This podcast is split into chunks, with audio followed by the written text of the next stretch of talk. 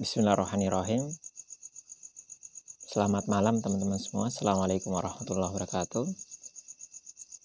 Untuk malam ini uh, kita akan bacakan ya uh, salah satu bagian yang kemarin tertinggal di bab sistem sirkulasi yaitu tentang uh, komponen dari plasma darah ya nanti mungkin bisa kita minta catatan dari teman yang udah uh, nyatet di kelas sebelumnya. Jadi saya cuman kasih gambaran besarnya atau gambaran ringkasnya. Nanti penjelasannya apa namanya uh, catatannya teman bisa ambil. Ini saya cuman jelasin ya ringkasannya kayak, kayak gimana.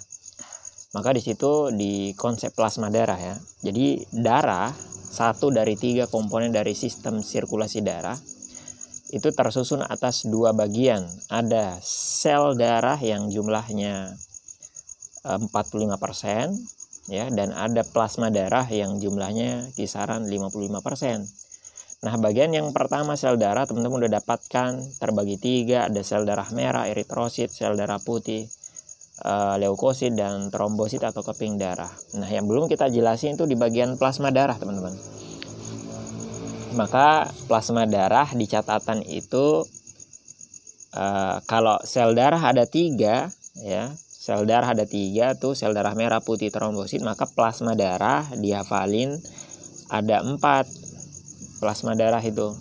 Pertama air satu air tuh. Yang kedua ion dan garam mineral yang ketiga, protein-protein darah. Yang keempat, zat-zat terangkut. Saya jelasin ringkas. Yang pertama, nomor satu ya, komponennya cuma satu. Apa itu? Air. Satu air, isinya juga satu, yaitu air. Apa fungsi air? Nomor satu ini bagian plasma darah yang pertama ini pelarut. Ya, dia sebagai apa namanya pelarut ya. tempat terlarutnya atau ya tempat terlarutnya semua komponen selain dia, selain air. Yang lain larut di dia lah begitu. Ya maka air sebagai pelarut. Ingat nomor satu komponennya satu yaitu air, fungsinya pelarut. Yang kedua ya ion dan garam mineral dia di posisi kedua dan bisa dibagi menjadi dua kelompok juga atau fungsinya ada dua. Pertama adalah kelompok ion dan garam mineral yang dia punya fungsi sebagai pengatur tekanan osmotik darah. Kan ini bagian plasma darah ya. Maka dia mengatur tekanan osmotik darah. Apa itu bagian uh, komponen yang ada di plasma darah atau ion yang mengatur plasma darah? Ya banyak. Tapi yang utama yang mengatur tekanan osmotik darah adalah Na plus garam. Maka garam itu mengatur kepekatan dari darah. Semakin banyak Na plus di dalam darah, di plasma darah, maka dia semakin pekat tuh. Nah, itu. Maka kalau ada orang makan garam, ada mbah-mbah atau orang tua makan garam ya dalam jumlah banyak, itu tekanan darahnya maksudnya dimulai dengan tekanan osmotik darahnya itu bakal tinggi. Nah, itu. Maka Na plus mengatur tekanan osmotik darah ya berbeda dengan tekanan darah ya. Ini ada ada dua kata kunci berbeda tuh. Tekanan darah dan tekanan osmotik darah. Kalau tekanan darah udah kita lewati di pembahasan jantung sistol diastol ya. Ya ini tentang tekanan osmotik darah tentang hipertonik hipotonik isotonik pekat atau encernya darah. Itu yang pertama ya Kemudian yang kelompok kedua, ion dan garam mineral yang kedua adalah mereka yang berperan di dalam mengatur pH darah atau buffer pH. Itu. Ada banyak. Tapi yang kita perlu ketahui adalah yang paling utama siapa itu. Nah, dari semua ion dan garam mineral yang paling utama mengatur eh, apa namanya pH darah atau buffer pH adalah ion bikarbonat atau HCO3- Ya, dan alhamdulillah kita udah pelajari di sistem respirasi HCO3- selain sebagai buffer pH, dia juga sebagai bentuk pengangkutan CO2. Bahkan dia bentuk pengangkutan CO2 paling banyak tuh. Udah teman-teman hafalin. Ya. Kan ada tiga macam bentuk pengangkut, pengangkutan CO2. Ada uh, dalam bentuk yang pertama dalam bentuk CO2 terlarut dalam plasma darah sekitar 10%, dia paling kecil, paling kecil. Yang kedua uh, sebagai apa namanya? Yang kedua dalam bentuk HbCO2 ya. Kar apa itu? karboksihemoglobin sebanyak 20% dan yang ketiga adalah dalam bentuk ion bikarbonat atau HCO3- sebanyak 70%. Nah gitu. Maka dia HCO3- di dalam darah kita minimal fungsinya dua. Sebagai buffer pH dia adalah ion dan apa bagian dari ion dan garam mineral yang mengatur uh, pH darah buffer pH atau dia juga bisa sebagai bentuk pengangkutan CO2. Maka komponen kedua udah kita sebutkan yaitu ion dan garam mineral. Komponen ketiga dari da plasma darah ya. Komponen ketiga dari plasma darah lihat catatannya ya adalah protein darah. Nah, protein darah ingat lihat lu ininya. Dia di urutan ketiga. Ya, protein darah di urutan ketiga. Tadi ion dan garam mineral di urutan kedua. Komponennya ada dua, yang ini protein di urutan ketiga komponennya juga ada tiga Masya Allah jadi enak menghafalnya teman-teman maka protein darah ya eh, komponen ketiga eh, dia tersusun atas tiga macam yang utama tiga macam protein darah yang pertama albumin namanya nah albumin ini fungsinya mudah dihafalkan cukup kita ingat fungsinya dia albumin ini sama persis dengan fungsi ion dan garam mineral. Bahkan dia bisa dua-duanya. Ya. Yang pertama dia bisa sebagai pengatur tekanan osmotik darah. Yang kedua dia sebagai buffer pH. Nah, dia bisa berperan sebagai buffer buffer pH. Jadi dua-duanya bisa. Uh, sebenarnya ada penjelasan penting tentang albumin ya mungkin nanti saya jelasin di di apa di kita ini tetap muka saja ya uh, biar saya bisa pakai gambar ya uh, habis albumin yang kedua protein namanya globulin globulin nah globulin ini uh, dia ada dua macam fungsinya di dalam darah kita pertama adalah tipe globulin yang berperan untuk mengangkut lipid, mengangkut lemak. Gitu. Jadi untuk mengangkut lemak di dalam sistem sirkulasi yang kita tadi udah bahas ya, bagian terbanyak dari darah itu bagian plas, terbanyak dari plasma darah adalah air. Ada di catatan itu ya, air sebagai pelarut fung, apa jumlahnya itu sekitar 90%. Nah, maka untuk mengangkut lemak di dalam air itu susah. Pada lemak kan nggak larut air. Maka untuk mengangkut lemak, dia butuh mobil khusus. Dia butuh kendaraan khusus. Apa itu mobil pengangkut lemak? Mobil khusus pengangkut lemak. Jawabannya globulin. Ya. Kalau di, dari sisi kimia jenisnya globulin alfa dan beta. Saya lupa apa di catatan itu saya udah lengkap ya apa apa belum ya. Nah, intinya ada dua macam tuh globulin alfa dan beta itu berperan mengangkut lipid mengangkut lipid di dalam darah ya, dari saluran pencernaan secara umum ke mana ke seluruh tubuh ke sel tubuh yang membutuhkan yang ketiga eh sorry kelompok globulin yang kedua ya ada namanya globulin yang dia berperan apa menyusun atau membentuk atau menjadi bagian dari imunoglobulin. Sesuai namanya imunoglobulin itu globulin. Globulin yang berfungsi dalam sistem imun, imunoglobulin. Disingkat dengan IG. Maka teman-teman pelajari di sistem imun ada namanya IgG, IgA, IgM, IgE, IgD. Cara mengingatnya IG gamet. Gamet. G A M E D, gamet. Nah, I, imunoglobulin IG itu nama lain dari antibodi. Teman-teman, antibodi. Artinya di plasma darah kita ada antibodi. Ya. Dan antibodi itu protein bukan karbohidrat bukan lemak. Dia adalah satu dari tiga macam protein darah. Ya, dia satu kelompok dengan protein yang mengangkut lemak sama-sama jenisnya globulin.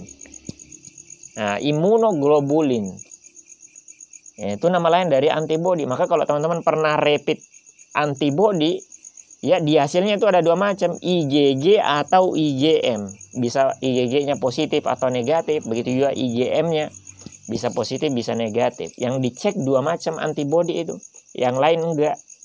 IgG atau IgM itu nah, insya Allah kita pelajari detail di sistem imun. Yang ke berapa teman-teman? Ah yang tadi itu tipe globulinnya disebut globulin gamma. Ya yang untuk menyusun antibodi itu namanya jenisnya dari sisi kimia globulin gamma. Kalau yang tadi itu alfa dan beta yang mengangkut lemak, yang ini yang membentuk antibodi itu tipenya globulin gamma. Yang tipe protein yang ketiga atau protein yang menyusun plasma darah yang ketiga disebut fibrinogen. Ya, fibrinogen apa fungsinya? Dia bersama-sama de dengan trombosit atau protein yang lain di situ berperan dalam pembekuan darah, berperan dalam menutup menutup luka. Gitu. E, maka tiga protein darah pernah kita bahas di sistem ekskresi ya bahwasanya di antara fungsi hati adalah mensintesis semua protein darah maka tiga jenis protein tadi, albumin, globulin sama fibrinogen ya, itu dibuat oleh hati kita. Nah, meskipun tidak dibahas di catatan ini ya, nggak ada saya tulis itu saya ingat saya. Itu tambahan tambahan ini aja, informasi saja. Itu kita tulis di sistem ekskresi. Maka yang pertama pelarut, dia urutan pertama fungsinya satu. Yang kedua ion dan garam mineral, urutan kedua dia ada dua kelompok tadi buffer pH tekanan osmotik. Yang ketiga urutan ketiga adalah protein darah ternyata jumlahnya juga tiga. Enak sekali menghafalnya teman-teman. Nah yang keempat gimana? Kita sebut dengan istilah ion apa eh, zat-zat terangkut. Ya zat-zat terangkut. Kenapa kita sebut zat-zat terangkut? Ini kan fungsi darah mengangkut. Dia alat transport. Anggaplah darah itu mobil gitu maka tiga komponen pertama tadi yang ada di plasma darah yaitu apa tadi? Ada eh, apa? air, kemudian yang kedua ion dan garam mineral, yang ketiga protein darah. Bayangin ketiganya itu adalah bagian dari mobilnya. Ya, mereka tiga yang pertama tadi itu ada yang jadi bannya, ada yang jadi setirnya, ada yang jadi bodi mobilnya, ya.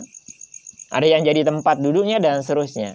Pokoknya Tiga yang pertama yang udah kita bahas itu bagian dari mobil, komponen dari alat pengangkutnya. Adapun yang keempat, ini adalah penumpangnya. Kita sebut dengan istilah zat-zat terangkut. Dia di urutan keempat dan di situ di catatan saya juga tulis dia kita bagi jadi empat macam untuk teman-teman mudah menghafalkannya. Ya. Maka yang keempat yang keempat adalah zat-zat terangkut, komponennya ada empat. Yang pertama adalah nutrisi. Saya tulis nutrisi. Nutrisi banyak macamnya, pokoknya semua nutrisi yang dari saluran pencerna atau sistem pencernaan.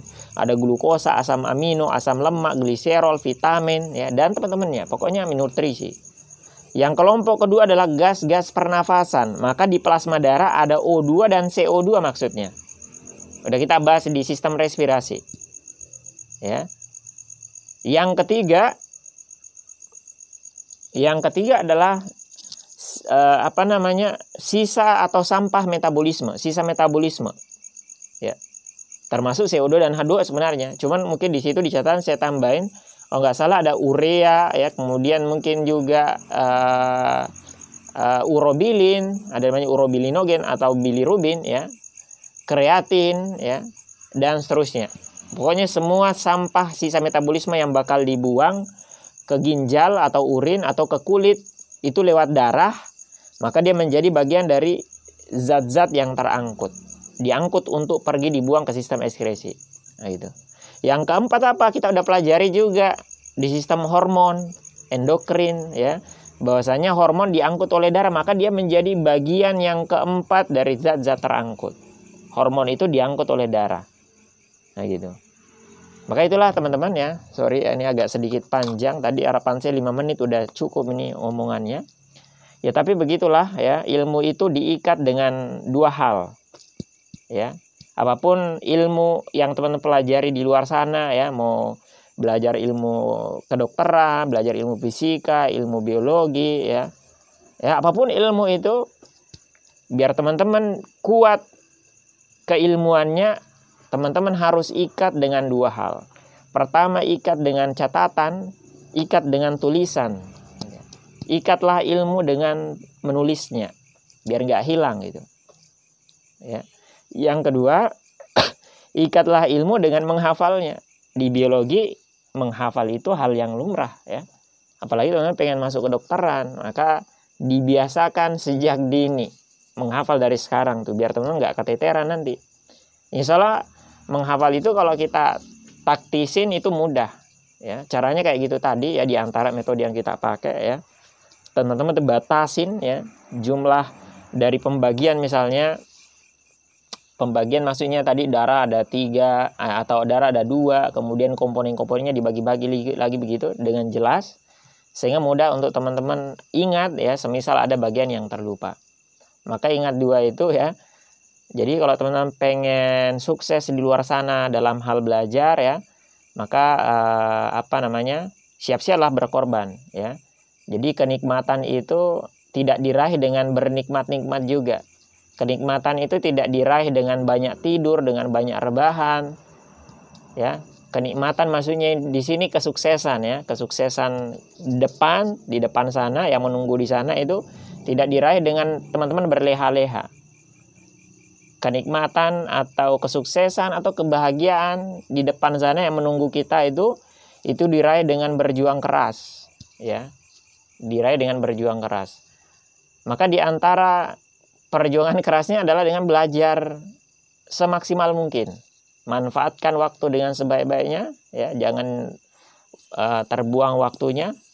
Percuma atau sia-sia dengan banyak apa banyak bercanda mungkin banyak ngobrol ya banyak nonton ya dikurangi dulu mainnya. Uh, apa namanya ya mungkin di waktu libur lah nanti atau mungkin setelah teman-teman lulus nanti ya baru teman-teman banyak bermain terserah. Pokoknya di sini teman-teman punya tugas untuk belajar maksimal ya di biologi saya selalu tekankan catatan ya catatan biologinya kemudian sebisa mungkin juga hafalannya itu jangan dilupa. Ya. Ya saya kira itu aja untuk uh, malam ini ya. Ringkasan untuk plasma darah yang kepanjangan ini ya. Mudah-mudahan dimudahkanlah langkah teman-teman ini semua ya. Uh, untuk meraih mimpinya apa pun itu ke depan menunggu kita kita perjuangkan insya Allah ya. Ya mudah-mudahan apa namanya dikabulkan ya apa yang teman-teman doakan apa yang teman-teman impikan uh, dan bisa kuliah seperti halnya yang kita apa namanya inginkan ya. Uh, bisa sukseslah ke depannya. Amin. Kita tutup. Selamat malam semuanya. Assalamualaikum warahmatullahi wabarakatuh